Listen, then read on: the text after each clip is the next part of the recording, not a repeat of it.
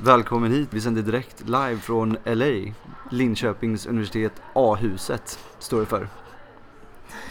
Vi är i K-huset. Det behöver vi inte säga. Okej, vi låtsas Går att inte vi är i. A-huset. Japp, vi sitter i A-huset. Fullt med teknologer överallt här och det ska värmas i A-husköket och så vidare. Eller så sitter vi faktiskt i najsiga K-huset och har solen utanför fönstret och ja, ganska lugnt och skönt tycker jag. Ja, det är ganska så ofta. Jag önskar typ att vi hade suttit här mer. Ikea? Jag gillar ju K mycket bättre, mycket finare, mycket fräschare, mysigare och så här. Ja, lite dyrare kaffe. Ja, men Mm, det... ja, det är precis sant. ja. Men A-huset har, ja okej A-husets kaffe är väl inte mycket billigare heller men du har närmare till korallen om det är det du tänker på. Exakt, det var det jag tänkte på. Jag Du förstår ser- vad du tänker. Du ser rosig och glad ut om kinderna idag. Mm, yes! Är det något speciellt? Ja men du vet, solen lyser, det är alla hjärtans dag på ingång. Det är liksom bra. Alla hjärtans dag ska man ta hand om varandra och sprida kärlek och sådär. Äta gott. Och äta gott ska man göra och bara, Ta gärna några glas vin. det kan man göra. Och lite extra choklad Ja, och sådär. det tycker jag. Vi, och det är ju faktiskt det som eh, temat för idag. Mm. Vi pratar med Karin Fransén. Precis. Som har forskat en del i kärlek. Eh, hon är professor i litteraturvetenskap. Så det hon har kollat mycket på är då eh, alltså kärlek i litteraturen bland annat. Eh, hur den har sett ut historiskt sett och mycket på 1100-talet har hon studerat böcker därifrån. Det ska bli jätteintressant att höra faktiskt vad hon, vad hon har att säga. Tycker jag verkligen. Så utan mycket mer att säga skulle jag säga välkommen in Karin. Eller tack för att vi får komma till dig.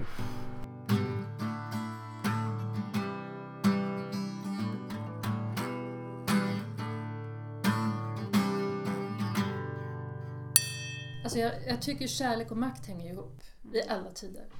Eh, vi, vi har ungefär de kärleksformer vi förtjänar, om man säger så. Beroende på vad vi har för samhälle. så, så kan man ju se att den borgerliga kärleksromanen är ju väldigt intressant ett väldigt intressant komplement till att förstå hur den borgerliga kulturen fungerar överhuvudtaget. Och idag när vi lever i ett, ja, vad lever vi? Ett nyliberalt, postscen, globalt kapitalistiskt samhälle med en enorm teknisk eh, utveckling så um, talas det ju till exempel om um, disorder of desires, des- desire disorders eller vad det heter. Alltså att man, man har problem med sex, man har problem med kärlek idag. Vi som kan få, vi som är helt fria, vi som lever jämlikt har idag ett problem som man inte hade tidigare. Eh, och, och varför då? Och så vidare. Så det, det är alltså, alla tider har, kärleken är ett problem och kärleksproblemet är relaterat till sociologiska, ekonomiska politiska faktorer. Kanske mer än arv om man tänker på din fråga. Men sen finns det ju naturligtvis också teorier om att kärleken sitter i hjärnan, kärleken är hormoner, kärleken är kropp och så vidare också. Det, det är självklart. Men om man tittar utifrån på de föreställningar och de representationer och vad av kärlek och vad folk säger om kärlek, som jag gör det som litteraturvetare, så är det ju lätt att konstatera att kärlekens olika metamorfoser, förändringar och de, liksom det som olika tider är upptagna med att tala om som problem är intressant att relatera till den givna sociala ekonomiska ordning som råkar vara rådande. Jag började ju med det aristokratiska, g- går vidare borgerliga och idag kan man ju tala om ja, en nyliberal ordning som också gör att kärleken tar sig vissa uttryck då.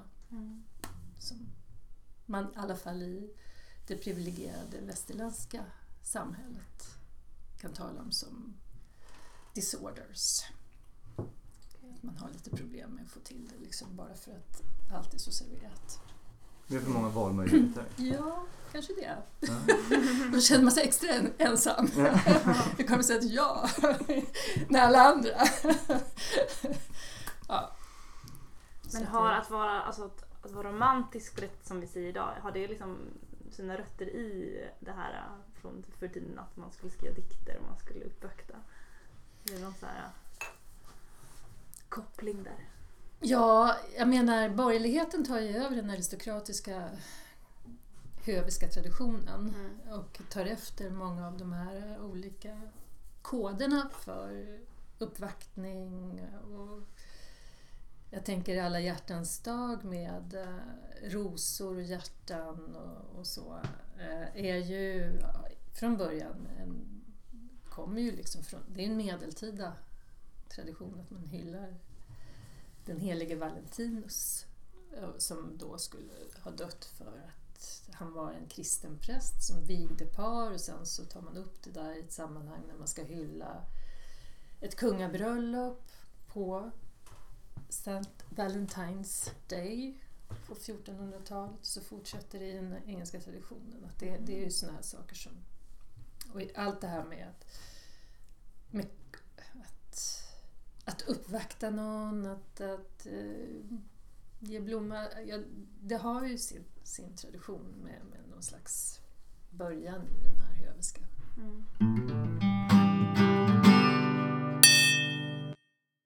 Att vara hövisk det är Ja. att uppvakta, att respektera, Okej. att eh, sätta kärleksobjektet väldigt, väldigt högt och så vidare.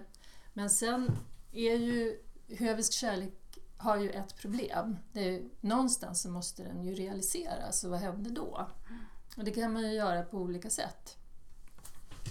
Under medeltiden så är det ju ofta så att de här äh, höviska kärleksdikterna, de, de är alltid skrivna i eh, i dikterna då som jag sa så blir det så att man, man skjuter ständigt upp det där. Det är kärlek med förhinder och det, liksom, det händer aldrig. Så det är därför man kan fortsätta att lovsjunga kärleken och kvinnan.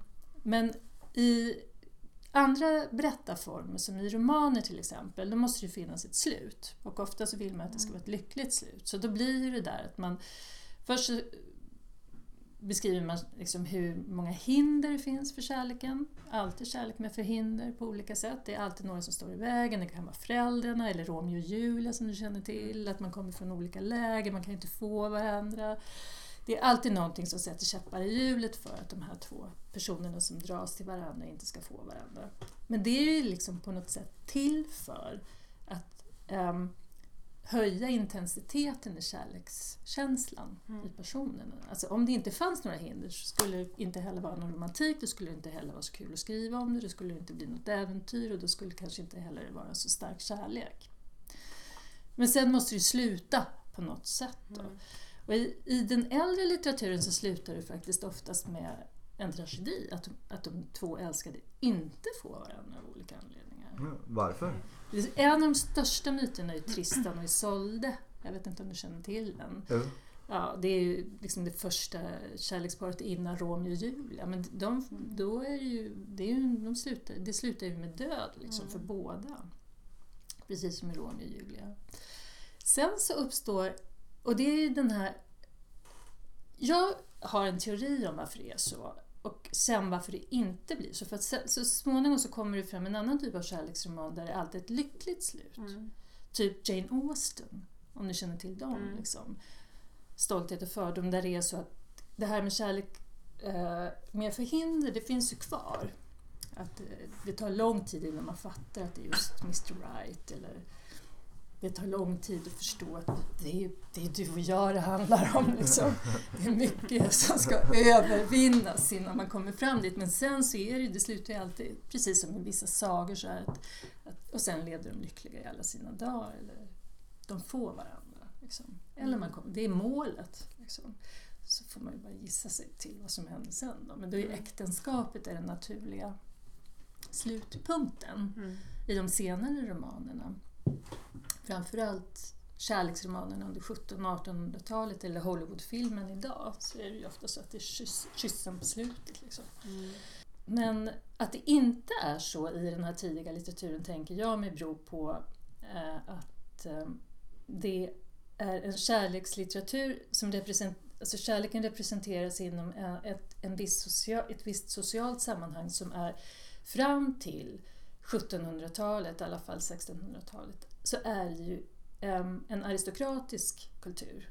det aristokratisk, aristokratiska äktenskapet var inte ett kärleksäktenskap. Nej. Det var ett, kon, det var ett kontrakt. Det handlade om pengar och makt. Och eh, ofta så var det så att man visste, ja, man, man gifte bort någon när, när personen var, man kunde ju bli kung när man var tio och man gifte bort eh, den stackars kungen med någon som var sex och så fick de ha förmyndare och sen skulle de gifta och så skulle de skaffa barn och så vidare. Alltså det var ju ett sätt att sköta diplom, ett diplomatiskt sätt att utvidga territorier eller att föra krig eller med andra medel och så vidare. Och det handlade ju väldigt mycket om, om pengar helt enkelt. Ehm, och då utspelas ju kärleken den finns ju där på något sätt. Sexualitet och kärlek, att man blir förälskad och så, men den, det har ju inte med äktenskapet att göra. Mm. Men då blir det ju också så att eh, man måste på något sätt kontrollera eller reglera den här utomäktenskapliga kärleken i synnerhet. Ja. Så därför så kan man ju läsa den här aristokratiska traditionens litteratur, den höviska, det är hovet, det höviska kommer från hov, courtly, court. Mhm. Att det är liksom en, ett sätt att, att reglera det aristokratiska äktenskapet på, att man uppfinner det här med det höviska, att kärleken är utanför äktenskapet. Och länge, fram till 1600-talet, så hittar man ju litteratur där det, liksom är, där det konstateras rakt av att kärlek och äktenskap har ingenting med varandra att göra och blandar man ihop dem, ja, då är man ute och cyklar. Okej. så, ja. Ja. Och sen är det ju också då för kvinnor, jag skriver ju då om varför kvinnor försvarar gärna den här piedestalpositionen. Ja, det är ju ofta då för att om kvinnor ger efter för kärlek utanför äktenskapet så råkar de ofta värre ut än vad män gör det. Att vara otrogen var på något sätt självklart. Men det var mycket lättare för en kvinna att förlora sin position, sin sociala position än för en man Mm. under den här tiden. För att mannen hade redan från början mycket mera makt. Han ägde oftast en kvinna även i de höga kretsarna. I den äktenskapliga transaktionen så att säga så var kvinnan den som man flyttade på och kunde byta ut. Men också bara för att det var, Mm. det var självklart att båda var otrogna nästan. Ja, Men, men det var farligare för kvinnor. Hon hade mer att förlora. Mm det är lite förvånande, det visste inte jag. Sen är det ju också så att det finns inom den höviska, inom den aristokratiska traditionen, det här är ju mer kulturhistoria än litteratur, men det kan förklara vissa drag i litteraturen. Eh, också olika grader om vad, vad man får göra i de allra högsta skikten, vad kungligheterna fick göra. Där var det ju vissa saker som var tillåtna som inte var tillåtna i de lägre aristokratiska skikten. Så att säga. Så att en, eh, jag menar, många av de här kungligheterna, drottningarna, feodalkvinnorna, hade ju älskare utan större problem. Men inom hovet så sprids det ju en kultur som handlar om liksom hur man ska bete sig och där varnas det ju ofta för att, att kvinnor ska liksom ta sig älskare och så vidare. För att de kan förlora sina positioner mycket, mycket enklare. Men en man kan också göra det. Så. Okej, men det här med sex före äktenskapet. Var det bara för att säkerställa att rätt person gick vidare i... Eller rätt... Eh, vad ska man säga? Rätt ett gick vidare? Eller var kommer det ifrån? Men eh, sexualiteten är ju inte någonting heller som är givet. Sex- Alltså det är svårt att veta vad... Alltså, kärlek kan ju vara så väldigt mycket och sexualitet ingår ju på något sätt i kärleken. Ibland vill man ju hålla dem isär och ibland är det samma sak. Eh, men jag tänker att sexualitet för ehm, män i vissa sammanhang har ju varit att de måste... ju- De, det handlar om uppfostran. Den, den ska, dels ska man lära sig den och dels ska man lära sig att reglera den. Och då finns ju olika, det finns olika sätt att göra det på. Så att om du tänker kärlek ut- innan äktenskapet för mannen, eller Nej, ja, för Eller båda bara- tänker jag. ja. Generellt. Idag är det självklart att man har sex bara för att man känner längtan efter det, om man, om man säger så. Det är ju en, en naturgrej liksom, idag i, i vårt samhälle. Men tidigare så är det ju liksom inte ju reglerat, alltså alla samhällen reglerar ju sexualitet på olika sätt. Och det- finns olika sätt att initiationsriter. Inom det borgerliga samhället så är det ju väldigt vanligt att man tar den unge mannen till bordellen innan han För tjejer är det ju inte, det, är ju, finns det är också väldigt omvittnat då att för tjejer så är det ju ofta en chock på bröllopsnatten. En våldtäkt i princip. Ja, ja, ingen av dem låter ju säkert särskilt trevlig. Jag skulle Nej. inte vilja att mina föräldrar tog mig till en bordell. det var ofta inte pappa kanske. Jag är ingen Ja. kul pappa där. Ja. Men det är ju tidigare i, i vissa liksom, borgerliga kulturer som, som det där förekommer. Eh, Och, eh, vil- I vilket fall som helst så handlar det ju om att reglera på olika sätt. Och idag när vi inte, jag, jag menar sexualupplysningen, hur funkar den idag? Går den via skolan? När, när jag växte upp så var det ju ofta genom skolan man fick de här första lektionerna. Man tyckte att det var väldigt fånigt men alla visste ändå vad det handlade om. Idag med, dag, alltså med dagens informationssamhälle som vi lever i, vad får, vad får man för olika bilder i sin initiationsrit så att säga? Vad kommer det här ifrån? Vad man ska prestera, vad man ska göra. Hur motsvaras det här i litteraturen? Vad är liksom idealet, erfarenheten och verkligheten? Hur, hur får man det där att hänga ihop? Mm. En sak som jag tycker det är intressant det är ju ofta att när man läser litteratur idag så är det ju inte så mycket att, um, att man läser om alltså kärleksromanen som, som är, där det liksom handlar om hur, ehm, hur två får varandra på slutet. Utan det är ju ofta massa andra problem. De polyglotta älskarna till exempel. En roman som kom bara för några, någon månad sedan. handlar ju om en, en, um, en ung tjej som letar febrilt efter olika typer av älskare och råkar ut för den ena knappare än den andra men det blir liksom ingenting och till- till slut så är det snarare det egna, den egen, egen, egen självförverk, att förverkliga sig själv som blir liksom Mm. det viktigaste. Mm. Men det var ett exempel, liksom att den där Jane Austen eller chicklit-formen är på väg att brytas upp på något sätt när det gäller kärlekslitteratur. Det handlar ganska mycket om, eller brytas upp, men det handlar alltså en, en ett drag i samtida representationer av kärlek är ju mycket det här liksom att ensamhet å ena sidan och eh, självförverkligande å den andra. Det är liksom två sidor av samma mynt. Okej. Att vi kanske har blivit ensamma idag trots allt. Mm. Finns det böcker från typ 1100-talet där det är kärlek mellan två personer av samma kön eller var det väldigt, väldigt ovanligt att man skrev om det där? Nej, jag skulle säga att heterosexualiteten är en kultur som uppfinns på 1100-talet. Att det var snarare Mhm. innan dess var alltså, den stora kärleken var kärlek mellan män. Okej. Även i Mm. litteraturen. Den hom- homosexuella kärleken fanns inte i den bemärkelsen vi talar om. Men homosocialitet, alltså Mm. manliga älskare eller vänner. Kärleken mellan feodalherren och vasallen eller riddaren var den absolut högsta. Liksom. Mm, okej. Sen var ju Mm. kvinnan, frun, någonting man kunde förhandla om.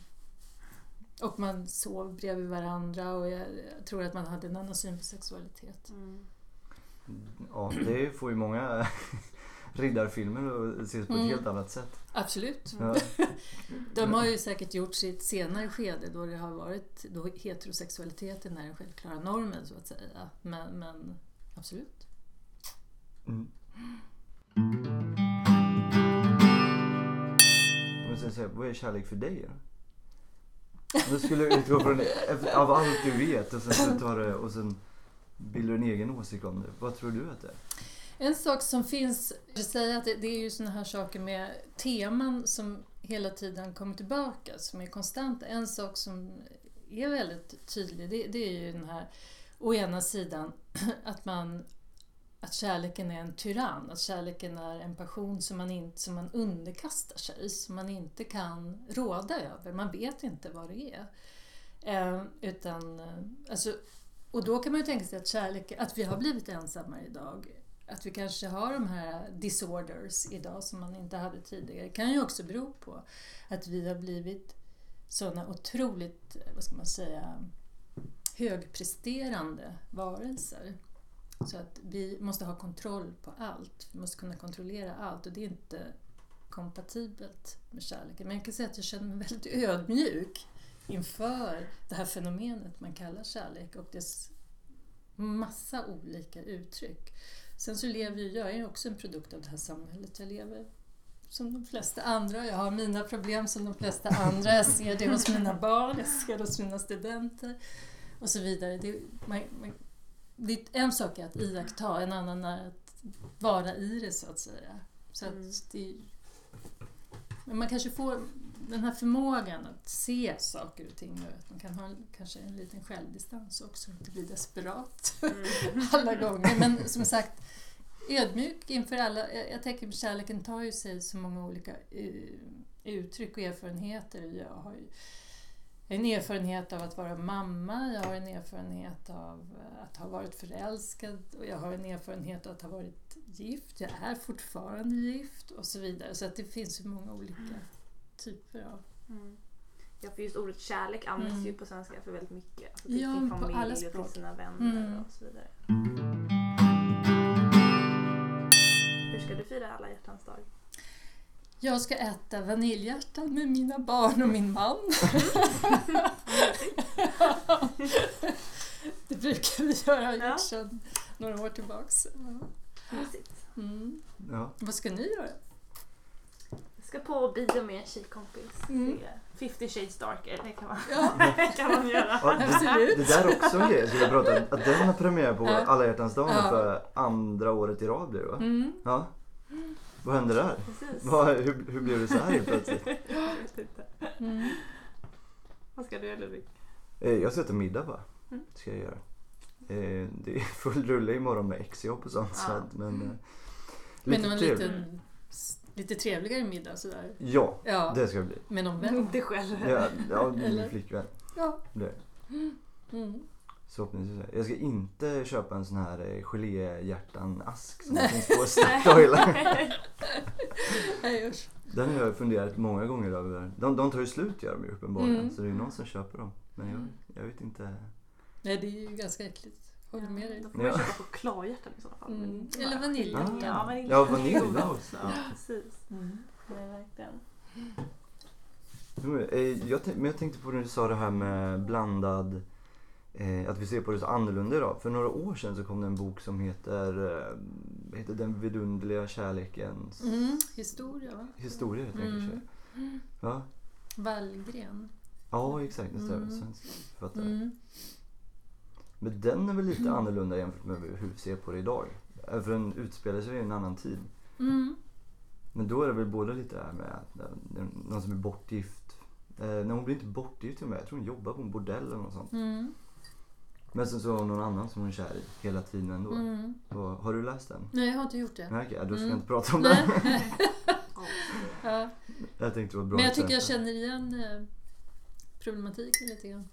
Ja. Eller vad var det som slog dig i den då? Som, Eh, som annorlunda eller? Jag läste den. Ja, Mm. men det var, jag, jag vet inte, jag var ganska förvånad över handlingen. Den var ganska brutal överhuvudtaget. Mm. Vad var det du uppfattade som brutalt då? Det, det, det, de växer upp ihop och han är jättemissbildad den här killen. Just det, det är den. Ja. Mm. Eh, men så får de ändå, de får ändå barn till slut. Och Hon är Mm. gift med någon eh, rik tysk herre. Mm. Mm. Det tyckte jag var lite annorlunda. det är ju ett väldigt intressant tema som har funnits länge det här med liksom, är kärleken något inre eller har kärleken med skönhet att göra?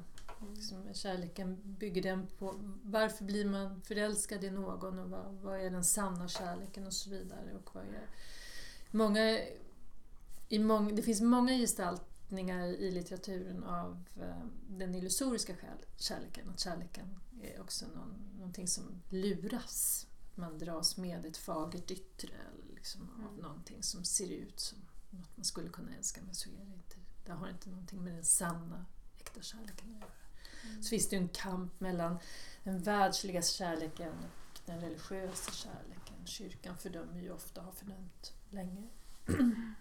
Det är ju absolut, att, det liksom, att inte förbinda kärlek med någonting yttre eller med ett utseende. Absolut. Samtidigt som vi lever i en kultur där vi är fixerade vid utseende. Mm. Lika mycket idag tror jag man kan säga som i i hovkulturen. Vad tror du skulle vara, vad tror du är anledningen till att man blir förälskad i en person? eller så? Hur mycket kemiskt, hur mycket... Ja. Nu trappar du en hals tycker jag. Oj. Nej men eh, lyckliga sammanträffanden. Mm. Olika, olika komponenter. Alltså, det kan ju, det, ett problem är ju om man har allt för stora liksom, föreställningar om den här personen man eventuellt skulle kunna bli förälskad i så kan det bli väldigt svårt att bli förälskad i en annan människa som aldrig är som man tänker Mm. sig eller drömmer om. Som att man... Så att, ehm, ja, varför man blir det? Ja, det är svårt att säga. Men det, det, det kan bero på många olika saker. Ja. Mm. Är det filmers fel då att man skapar, eh, man, om man plöjer romantiska böcker och filmer så skapar man overkliga förhoppningar på vad det egentligen ska vara sen när man väl träffar någon. Nej, det tror jag inte. Eh, jag tror att oberoende av film och litteratur så skapar man sig föreställningar om, om eh, olika saker. Men däremot så kan det ju förstärka eller hjälpa till. Ehm, och jag tror snarare, alltså filmerna...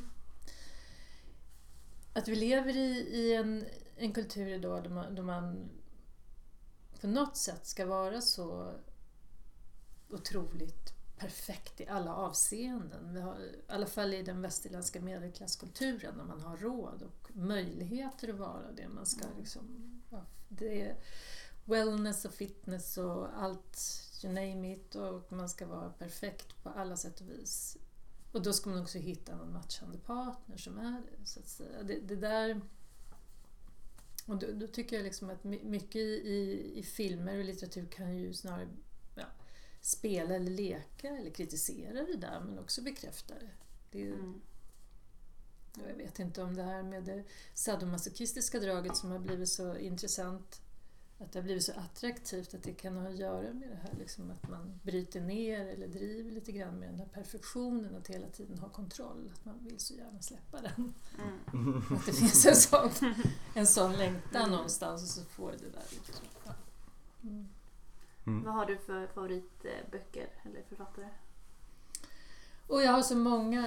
eh, Eftersom jag håller på med litteraturhistoria, med gammal litteratur, så har jag många sådana också. Den här tycker jag jättemycket om. Jag har precis skrivit ett nytt förord till en ny utgåva som kommer. Det är en, en bok från 1600-talet som handlar om kärlek i hovmiljö.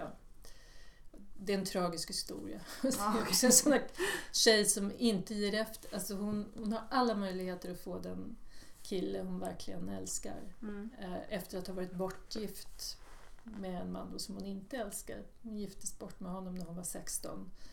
Sen så dör han och den hon verkligen älskar säger att han vill ha henne men då säger hon nej alldeles på slutet. Varför gör hon det?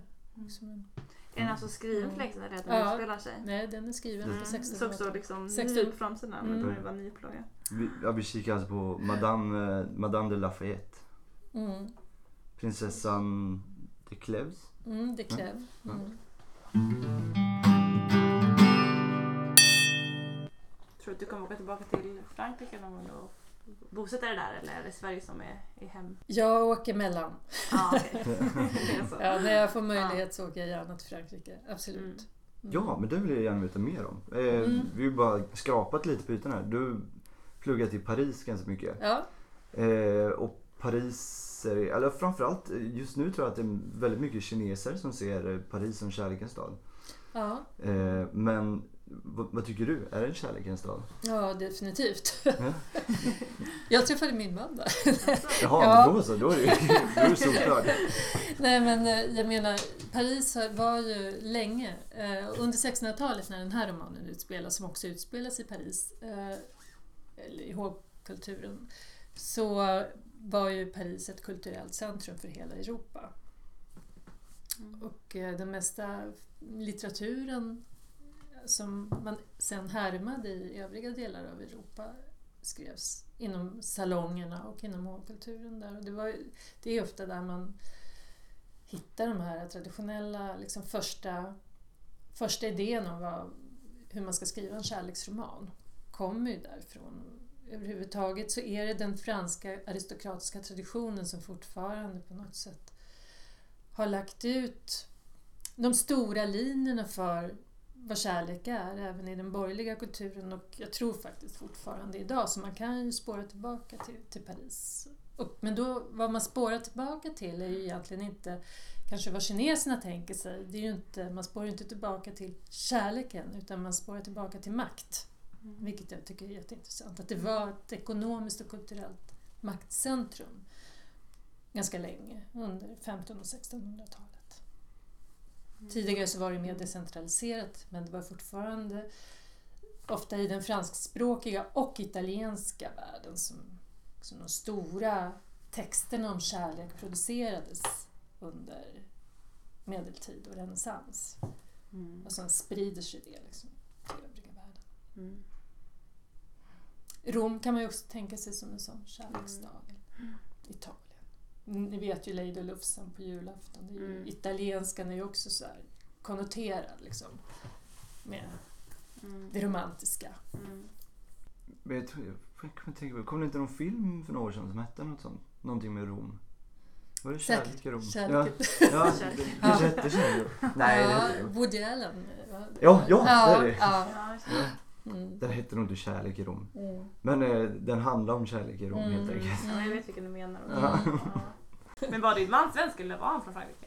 Han är svensk men vi träffades där av en Ja. slump faktiskt. Mm. Mm. Ja, vilken tur Mm. att det inte var någon annanstans, något mindre romantiskt. Varför då? Nej, Nej, förlåt, det menar jag inte. Hamburg hamn. Ja, det passar ju ganska bra liksom. Ja. Ja, med tanke på att du studerar och litteratur och allting. Ja. så tänkte jag. Ja. Det passar väldigt Mm. bra. Men studerade han också i eh, Paris samtidigt då som dig? Nej, han var faktiskt i Oxford, så var han bara över i Paris för att hälsa på några kompisar som råkade vara där. Och så stötte vi ihop. Man umgås mycket med svenskar själv gjorde jag. Mm. Mm. Men hur länge var det? Var det något, ett sista år eller var det flera år? du var där? Ehm, det här var åt, ja, slutet på 80-talet var det här. Mm. Mm. Så det är länge sedan. Vi firar faktiskt 25 års bröllop snart. Hoppsan, Mm. grattis! Den 15 Ja. februari. Oj, är det sant på onsdag? Ja. Ska ni fira två dagar nu? Ja, eller hur? Eh, Men om man, om man eh, går in på den sista delen vi är nyfikna på, det det här med Mm. brustet hjärta. Mm. Hur har det funkat genom tiden? Skiljer det sig idag någonting mot hur man såg på det förr?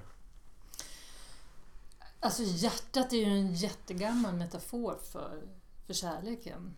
Eh, eller för det inre överhuvudtaget. Att man, man kollar liksom i sig själv. All, det, det som är ens själ eller ens identitet, det är ju liksom hjärtat och det är där också känslorna sitter. Alltså man talade om kärleken som en... Amor är ju en gud och Amor har ett vapen. Det är ju pilen och pilbågen. och eh, när Amor vill...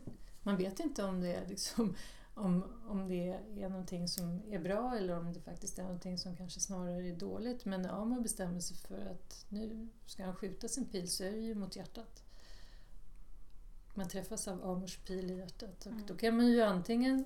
Ja, man blir för, men det är tvetydigt, det är inte alls säkert att eh, det leder till lycka. Alltså det finns ju sån här förenkling eller banalisering av att kärleken är liksom livets lös, det är lösningen på alla problem. Snarare så kan ju det vara den stora plågan som börjar. Och så har kärleken också avbildats och representerats som ett lidande.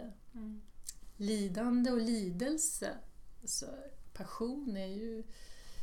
Det är svårt att säga om det är en njutning eller en plåga. Och så ett brustet hjärta är en gammal bild på att kärleken också är en, kan vara, kan leda till någonting svårt och djupt smärtsamt. Hade du någon mer frågor Ola? Nej, jag tycker vi har fått ut väldigt Mm. mycket. Vad bra! Det var jätteintressant. Bra att Det- vi slutar med är ett oändligt tema och det förändras på ett intressant sätt hela tiden tror jag. Men Samtidigt så kan man konstatera att det finns saker som återkommer, som hjärtan. Nej, så vi, nej, men då ska vi bara tacka så mycket för att vi fick komma hit och uh, lyssna på och lära oss lite om kärlek genom historien. Ja, eh, jättekul att prata med er. Må vi leva lyckliga alla våra dagar. Ja, och älska varandra. Vår podd heter egentligen Ett glas vin med Ludvig och eh, Viola. Ja, vi borde ha haft ett glas Ja, vin. jag tyckte jag var lite tidigt på dagen. Gillar du vin? Absolut. Ja. Ja, Det känns Verkligen. typiskt franskt att sitta med ett glas vin. Ja.